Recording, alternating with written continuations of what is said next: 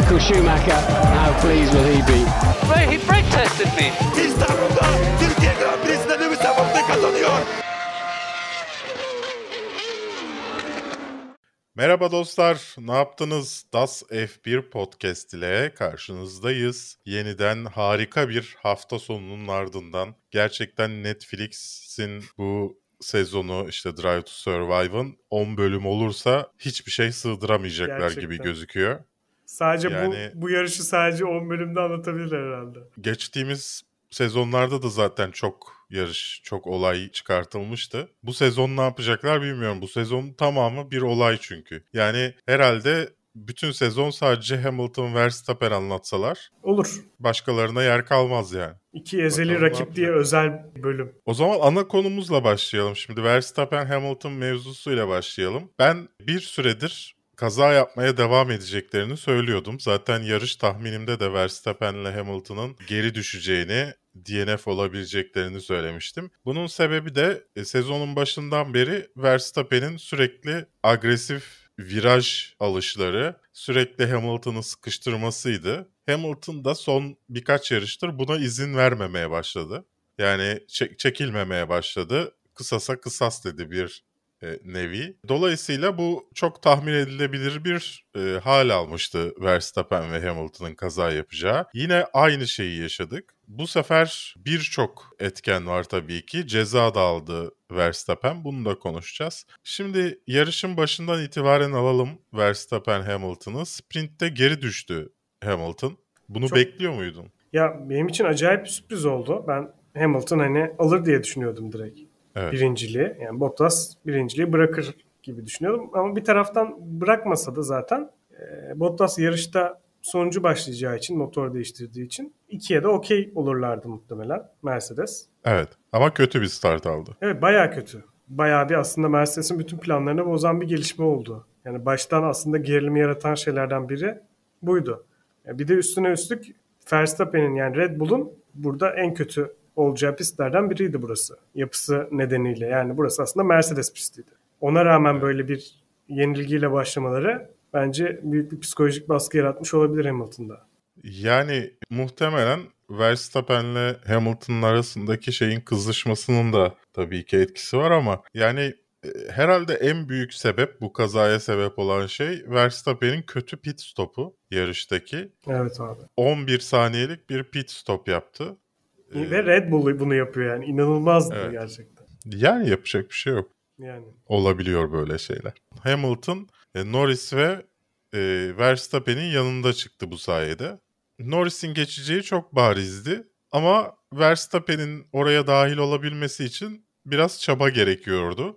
Bu da hem DRS'in verdiği etkiyle hem de e, geç e, fren yapmasıyla Verstappen orada kendine yer buldu Hamilton'ın yanında.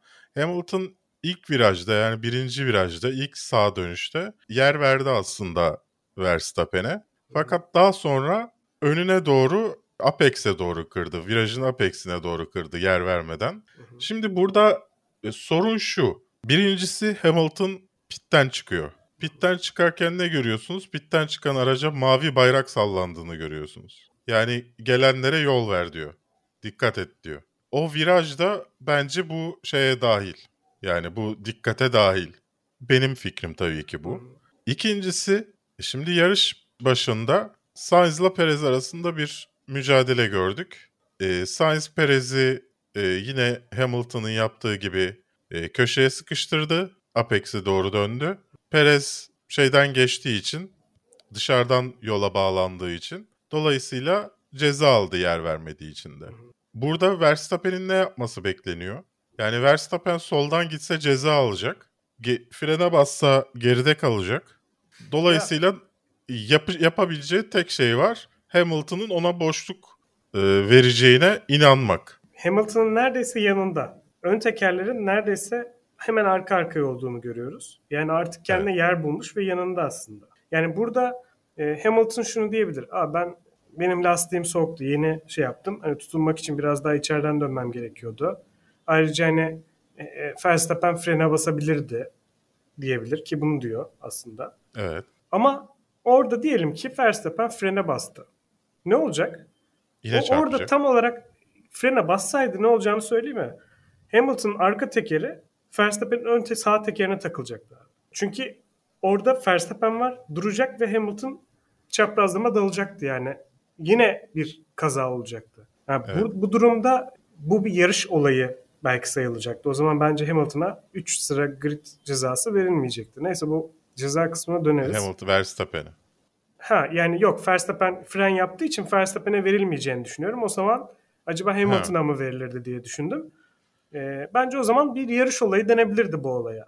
Bence şu anda da yarış olayı zaten. Kesinlikle Bu aynı şekilde yaşanan düşünüyorum. şey. Çünkü Yani- orada yani o adam. Artık virajı almış yani artık onun da o virajda hakkı var. Evet. Yani he- hem de Hamilton'ın pitten çıktığını ve biraz daha dikkatli olması gerektiğini hesaba katarak da bunları düşünmek lazım. Evet. E, Hem onu düşünüyorsun hem Verstappen'in başka çaresi olmamasını düşünüyorsun. O zaman yarışmasınlar. Yani hiç vira- virajlar, şikanlarda birbirlerini geçmeye çalışmasınlar Monza'da. Abi bir de bunlar hani bu adamlar bu kadar şampiyonluk mücadelesi baş başayken yani tabii ki e, böyle şeyler olacak yani bunlar çok normal şeyler. Yani e, ve açıkçası hani kazayı görünce e, hiç ceza da almayınca hani o yarış sırasında Hı hı. e, şaşırmamıştım yani ceza almamasına bu olayın. Gayet Yani normal. evet yarış abi, dışı olur kaldıkları için şeyler. ceza vermediler de o sırada yani yarış içinde birçok o noktada geçiş gördük ya da mücadele gördük ve hepsinde dışarıdaki araç içeridekine e, yer verdi. Yer vermeyende de zaten yine bir Ferrari Red Bull mücadelesinde yine içeriden çıktı ve daha sonra yer vermek zorunda kaldı. Neden bu, burada tek suçlu Verstappen yapılıyor. Ben onu anlamadım. Yoksa kazada bence ikisinin de sorumluluğu var. Yani ikisi de kazaya sebep, sebebiyet veriyor. Evet. Ben sadece bu tarz işte bir tanesine ceza vermenin ileride bu mücadeleleri azaltacağını düşünüyorum. Yani Hamilton'da e, ileride işte yarışçıların güvenliği için bu cezanın e, iyi olduğunu söylemiş. E, doğru karar olduğunu söylemiş ama Bu arada şu açıdan hak vermek mümkün. Sezonun başından beri Verstappen bu tarz durumlarda sürekli Hamilton'ı pistin dışına atıyor. yani sürekli. bunu bunun aslında iki pilot da birbirini sıkıştırıyor. Bence bunda bir problem yok. Evet biraz daha e, Verstappen'in daha agresif e, Evet. tutumu var. Ama bence bu okey yani agresiflik bir yere kadar tabii ki. E, ve bence burada da okeydi. Yani burada birazcık olaya ateşleyen şeylerden biri de lastiğin lastiğe teması. Arka Evet. lastiklerin birbirine teması oldu yani. Ya bi- biraz da şey işte e, soldaki körbe körbten sektiği için araba yani iyice kontrolünü kaybetti. Yani bence arka lastiklerin birbiriyle teması bile Verstappen'in orada kendine gayet yer bulduğunu gösteren şeylerden biri yani. Gayet adam işte yanında yani. Hani buna bir sıra hani ben oraya boşluk bıraktım. E, Verstappen geldi üzerime kırdı gibi şeyler yani orada boşluk falan yok. Yani ben Hamilton haksız diye demiyorum. Yani burada e, bana göre ceza gereksizdi. Ama Evet. yani ne olur? Red Bull der ki o zaman ben kardeşim madem ceza aldım motorumu değiştirecektim zaten. Değiştireyim der. Yani bu şekilde bir taraftan Keşke bu yarışta değiştirseydim diye de düşünüyorlardır şu anda Bottas'ın üçüncü olduğunu görünce muhtemelen. olabilir. E, bu Verstappen Hamilton kazalarının devam edeceğini düşünüyorum ben açıkçası. Kesinlikle. Ee, ve bu tartışmalar da devam edecektir. Muhtemelen e, daha önceki cezalardan yola çıkarak bir ceza vermek zorunda kaldılar. Ama diğer taraftan bu tarz pozisyonlarda birçok ceza verilmeyen durum da oldu. Bu yarış içinde de oldu aynı zamanda. Ya Ee, Formula 1'in herhalde en sıkıntılı tarafı bu cezaların bir standarda oturtulamaması. Yani illaki sonuçta bir yorum yapılmak durumunda kalıyor çünkü farklı Evet. etkenler oluyor. E Burada da Oturtmak mümkün de değil zaten. Evet, değil hani yani. bir standarda. yani olayın içinde insan faktörü olunca mecburen yapacak bir şey olmuyor yani. Bir yerde hı. yanlış karar verilebiliyor. Siz ne düşünüyorsunuz bu arada? Hani bu kazada birisi haksız mıydı sizce yoksa bir yarış olayı mıydı? Onu yorumlarda bizimle paylaşın çünkü herkes farklı bir şey söylüyor. Bu biraz da toksik bir seviyede internette en azından belki gerçek hayatta öyle öyle değildir.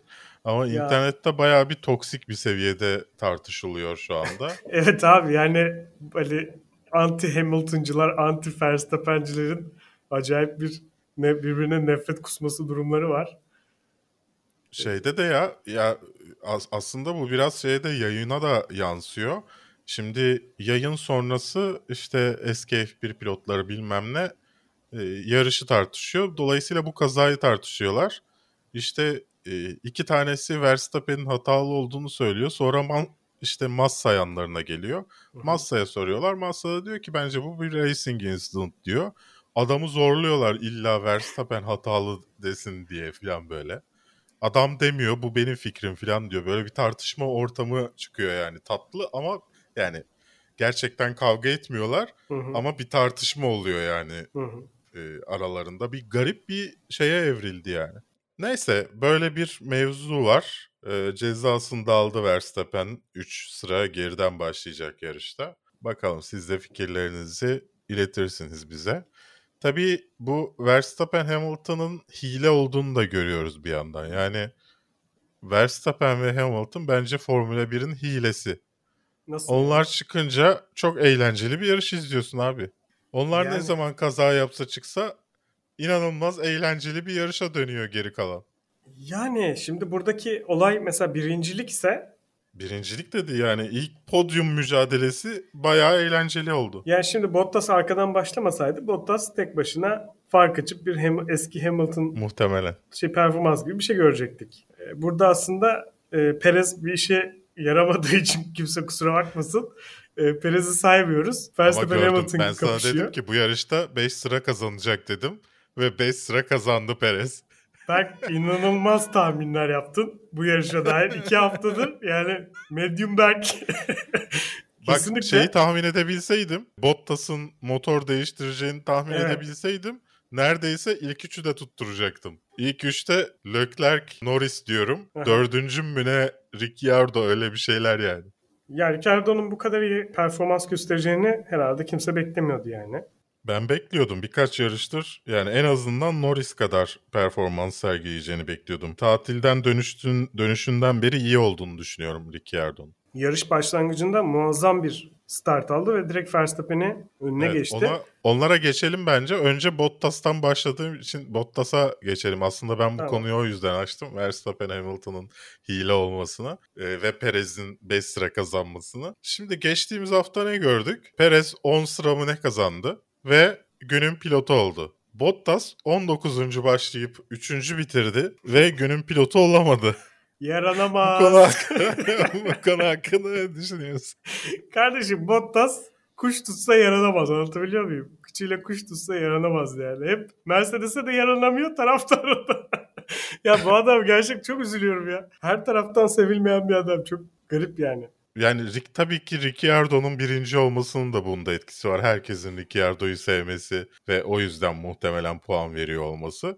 Ben mesela Nik- Nikita Mazepin'e verdim ama Bottas'ın normalde eğer yani Perez'e Perez geçen hafta birinci olabiliyorsa bu hafta mutlaka Bottas'ın olması gerekiyordu. Evet ama işte burada birazcık e, Ricardo'nun sıra dışı birinciliği bence ağır bastı. Yani farklı Evet. insanlar farklı birinciliğe ne kadar aç olduğunu da aslında taraftarlar bir taraftan göstermiş oldu ispatı gibi bir şey. Peki Rekabet Perez hakkında ne demek istersin? daha önceki sprintte mesela hayal kırıklığına uğratmıştı. Tek turluk performansına göre yarış performansının daha iyi olduğunu zaten hepimiz biliyoruz ve sprintte de aslında bunu bu tarz yarışçılar için tek turda kötü olan yarışçılar için müthiş bir fırsat aslında. Sıralamayı yarış performansına göre alıyorsun sonuçta. Ve Perez de aslında bunu kullandı. Bu sefer kullanabildi en azından. Ama yani yarıştaki performansı bu sefer yani beklediğimden daha kötüydü. Yani Sainz'ı mı geçiyordu o sırada? Şeyden Sainz'ı dışarıdan geçiyordu. geçtiğinde. Yani burada Sainz'ı geçtiğinde e, yerini versene geri diyorum böyle şey izlerken. Ya abi adama yerini versene niye hala bekliyorsun falan diye e, izlerken saçım başım iyi oldu.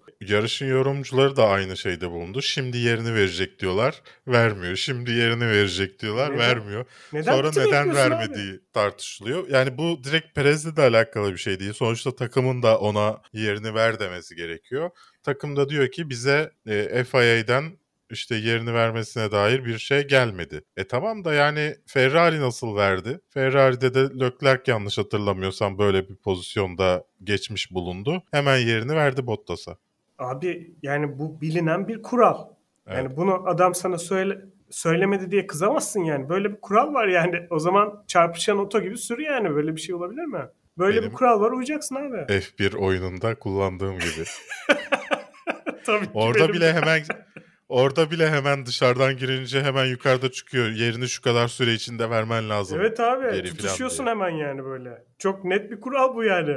Ve gözlerime inanamadım. Adam vermedi. Pit duvarında beklemesine gerek var mı? Ve bundan dolayı ceza alması da okey yani. Sen kaç senelik pilotsun abi bunu yapmıyorsan bunu refleks olarak yapman lazım yani. Duvarından bir şey beklememen gerekiyor. O yüzden inanılmaz bir şeydi yani. Yani Verstappen'le Hamilton'ın çarpışması normal bence. Çok beklenir ama bu beklenmedik bir şeydi bence. Daha beklenmedik bir şey. Çok garip. Ve üçüncülüğü çöpe atmış oldu Perez. Evet. Böylece ve Red Bull tabii ki. Ricciardo ve Lando'nun birinciliğini konuşalım şimdi de. İkisi de gerçekten kendilerine bu hafta sonu çok güveniyorlardı. Hem Ricciardo'nun yarış başlangıcı hem Norris'in iki geçişini de yani hem Hamilton'ı geçişi hem de Leclerc'i geçişinin çim üzerinden olması. Yani çimlerde giderek pozisyonunu korumaya devam etmesi çok enteresandı bu kendine özgüven. Ne dersin sevgili Alper? Evet bir de aslında Verstappen'le Hamilton'ın tam kaza yaptığı yerdeki mücadeleleri de çok güzeldi. Gayet temizdi. Açıkçası Norris'in performansını çok beğendim. Aslında burada Mercedes motorunun ne kadar önemli olduğunu da gördük. Hem McLaren'e pistin uyumu hem de Mercedes motorunun gücünü bir kere daha gördük. Yani kazanan 3 pilot da podyumdaki Mercedes motoruydu aslında. Norris 30 tur falan tuttu herhalde Hamilton arkasında. Evet inanılmazdı ya. Hem sprintte hem yarış yarışın içinde. Aslında pistin yapısı da yani DRS kullanımıyla alakalı ilginç bir yapısı var. Hız pisti olduğu için, hızlı virajları olan pist olduğu için kanatları çok yük binmiyor yani. Daha küçük yapıda kanatlar var. Dolayısıyla DRS kullanımında çok fazla kazanım elde edemiyorsunuz. Biraz da bu yüzden geçiş zor oldu. Aslında hızlı virajlarda geçişin daha kolay olması beklenir. Ama burada ilginç bir şekilde bir tren şeklinde bir şey doğru düzgün geçişin olamadığı bir yandan. Tabii Yani Mercedes gibi yine normal yoksa. bir normal bir yarış hafta sonuna göre bayağı bir geçiş izledik. Birazcık o yani Bottas işte Mercedes motorunun farkı. E, Bir taraftan Hamilton'ın arkada oluşu, Perez'in arkada oluşu. Ya bunlar biraz daha tabii geçişleri arttırdı arabaların gücüyle ilgili olarak ama bir taraftan da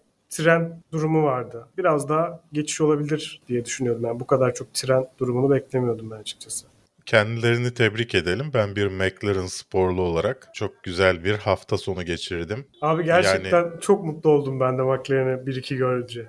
Tahminen kimse mutsuz olmamıştır bu hafta sonunda. Yani Ricciardo ile Lando'nun 1-2 olması Red Bull destekleyenler, Mercedes destekleyenler bile mutsuz olmamıştır herhalde. O podyumda Zek filan birbirlerine şu iyi yapmaları. Bottas'ın arkada sürekli kaçması kendisine de gelmesin diye. Zaten şeyde de itiraf etti. İşte bas- basın toplantısında Ha. yarış sonrasında Ricciardo şey diyor. Sen yapmıştın diyor. Hayır o zaman da kaçmıştım diyor. Ricardo da üzülüp şey diyor ya "Aa, maybe next time falan diyor. evet evet. Benim tarzım değil falan diyor Bottas da. Güzel bir hafta sonuydu yani. Diğer bazı ufak tefek olaylardan da bahsedelim. Mazepin ve Schumacher'in kazası vardı. Mazepin yarış sonrasında çıktı dedi ki benim hatamdı özür dilerim. Özür dilemek benim için sıkıntı değil tarzı bir şeyler söylemiş. Evet ben özür yani bir nevi şeye getirdi orada. Ben hata yaptığımda özür dilerim. Özür Başkaları- dilemeyenler. Başkaları yapamıyor ama ben yaparım gibi. Evet öyle bir tavrı vardı gerçekten. Okey diyebiliyorum bu tavra karşılık yani. Hani, Okey abi yani sadece özür de dileyebilirdin. Ama dediğin gibi iki pilot herhalde ağızda kalamayacak yani bu gidişte.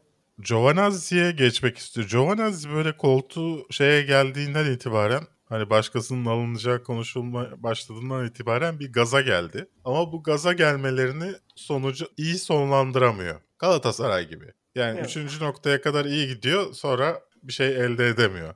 Bu da sıralamalarda çok iyi ama yarışta kötü. Yarışın en başında bir Perez ve Sainz arasındaki olayı konuştuk. Perez virajı içeriden alıyor ve önüne doğru unsafe release dedikleri yola tehlikeli bir şekilde giriyor e, Giovanazzi'de ve orada kaza alıyor. Maalesef Giovanazzi'nin gidici olduğunu söylemek lazım. Tabii bu kaza başka şeylere de sebep oldu. Vettel mesela iyi bir start almışken o kazada içeride kaldı. Herkes bunu dürttü mürttü geçti. Vettel birkaç sıra geri düşmek zorunda kaldı. Daha sonra Ocon'la bir mücadeleleri oldu. Ocon buna çarptı filan. Ocon itti resmen pist dışına Vettel'i. Evet Vettel dedi ki yani benim yarış, yarışım zaten birinci turda bitmişti. Ee, hani prosedür gereği devam etmek zorunda kaldım diye.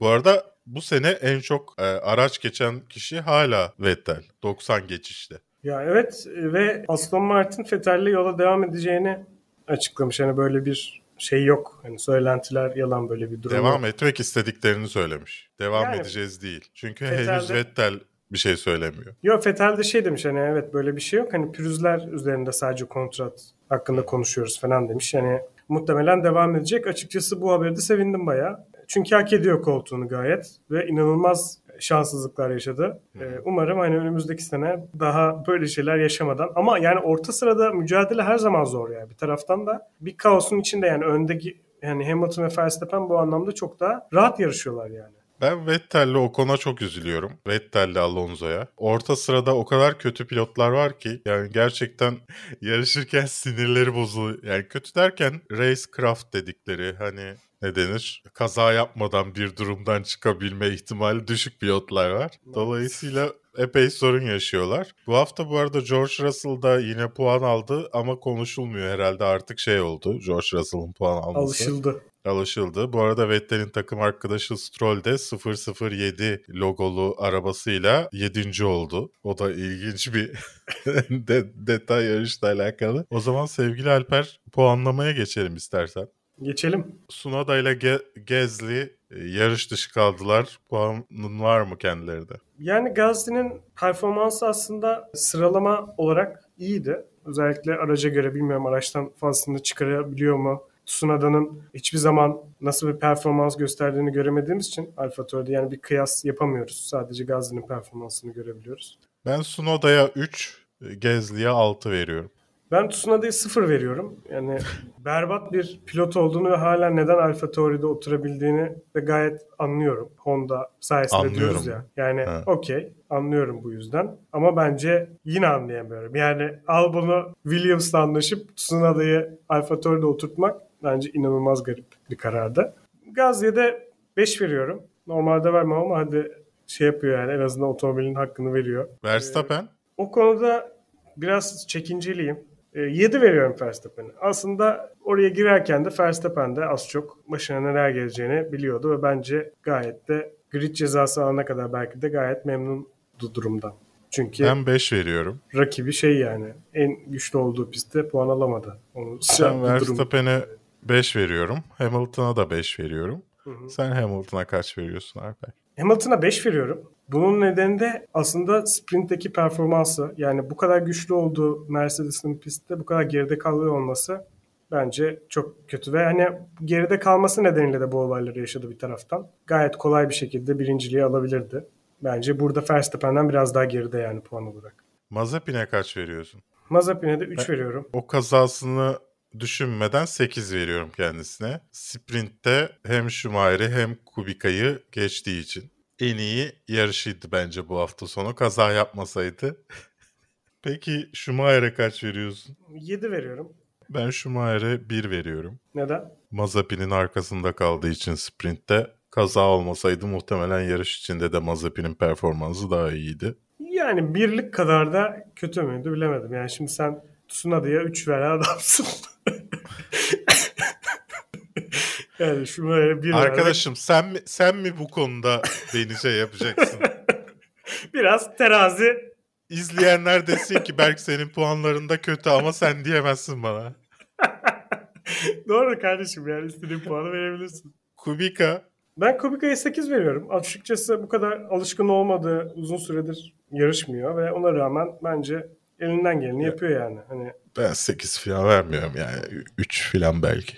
Yani tabii ki özel durumuyla alakalı bu puan veriyorum. Yoksa gerçek bir Sonuçta bu araçları daha birkaç ay önce deneyen adam. Yani F1 araba aralarına çok uzak kalan bir adam değil. Dolayısıyla bu kadar kötü bir performans sergilesi, sergilemesini anlamıyorum yani. En azından yani Mazepin'in arkasında kalmasını anlayamıyorum. yani doğru aslında haklısın.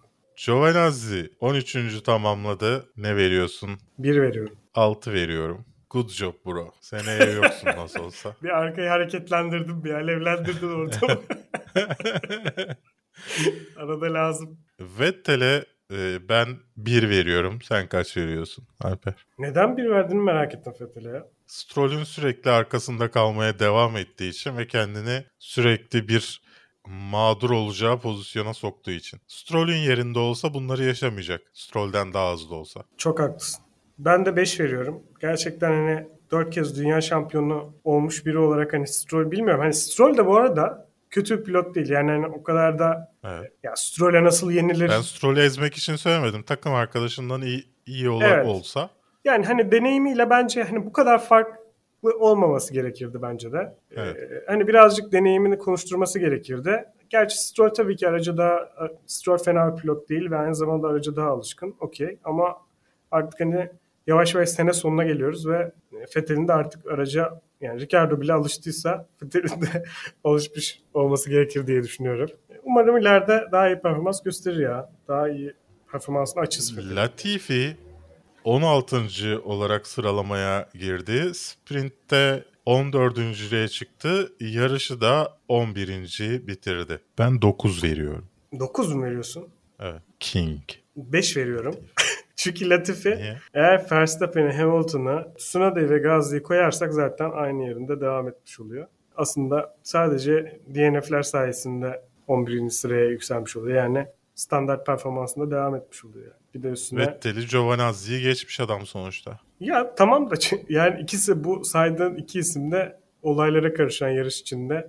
Ocon'un Giovinazzi 3 dediğin- saniye gerisinde tamamlamış. Ki Ocon büyük bir star.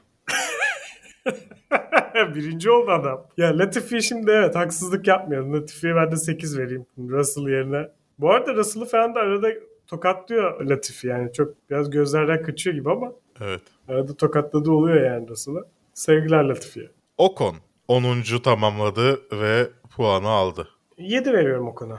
Ben 6 veriyorum. George Russell 9. tamamladı ve puanı aldı. 10 veriyorum Russell'a ya gayet. Ben de 10 temiz bir veriyorum. Williams'la puan aldı. Alonso 8. tamamladı. Alonso'ya da 9 veriyorum. Ben de 9 veriyorum. Aracın alacağı puan buydu. Maksimum. Belki Stroll'ü geçebilirdi. O zaman 10 olurdu zaten. Evet. Stroll 7. oldu. Kaç veriyorsun? Ben 10 Stroll'e de veriyorum. 9 veriyorum. Beğeniyorum ya. Son zamanlarda performansını Stroll'ün beğeniyorum açıkçası. Gittikçe kendini geliştiriyor. Bence hak ediyor da yani. Ben 10 veriyorum. Sainz'a kaç veriyorsun? 6. tamamladı. Sainz'a da 8 veriyorum. Aslında iyi iyi bir performansı vardı ama birazcık talihsizlikler yaşadı. E, ama şey yani belki 10 verebilirdim ama yani çok fazla arabayı vuruyor ve çok hasar veriyor. Ve Ferrari'de gerçekten Ferrari'de büyük sıkıntıya sokuyor. Sürekli bir kaza. Bilemedim birazcık böyle nazar değdi sanki Sainz. Hani böyle diğer Ricardo'ya falan göre çabuk alıştı falan diyorduk ama yani sürekli bir arabayı pert etme durumu var. Bence biraz yani bir pilottan bu çok fazla beklenmez yani. Biraz daha iyisi beklenir diye düşünüyorum. Ben 8 veriyorum. Sergio Perez 5. oldu. Sergio'ya da 7 veriyorum. Ben de 7 veriyorum. Leclerc 4. oldu. Leclerc'e 10 veriyorum. Yani Ferrari'nin daha fazla gücü olmadığını düşünüyorum yani. Daha fazlasını alamazdı kesinlikle. Ben de 9 veriyorum. Bottas 3. oldu. Ben 10 veriyorum. Ben de 10 veriyorum net. Mükemmel bir hafta sonu geçirdi. Kesinlikle. Norris ikinci oldu. Ve Bottas'la alakalı şöyle bir şey var. Özür dilerim sözünü kesiyorum. Adam belki de podyuma çıkabilirim her şey mümkün falan diyordu. 20, 20. başlayacağı yarışta ve hakikaten podyuma çıktı sözünü de yerine getirdi bu arada. Evet. Kendisine ekstra tebrik. Norris'e 10 veriyorum. Kesinlikle. Ricciardo'ya 10 veriyorum. Kesinlikle. Alkışlıyoruz McLaren'i. Evet gerçekten harika bir haftayı geride bıraktık. Rusya yarışı 2 hafta sonra tabii bir yandan da bizim yarış ne olacak, bizim yarış ne olacak diye düşünmeye başlıyoruz artık. Çünkü Evet. az kaldı. 8 Ekim'de de bizim yarış var. Olacak mı olmayacak mı? İçeriden gelen bilgiler İngiltere yasağının devam etmesi halinde yarışın olmayacağı Türkiye yarışının. Umarım Göreceğiz. böyle bir şey olmaz tabii. Hala doğru düzgün rakam açıklamıyorlar Alper. Ya açıklamayacaklardı muhtemelen. Dolayısıyla şeyi de diyemiyorsun hani İngiltere'ye de kızamıyorsun yani. Abi, Neden vatan- bu yasağı yani- kaldırmıyorsun diye. Ben şeye de razıyım yani hani yarış düzenlensin ama taraftar alınmasın içeri.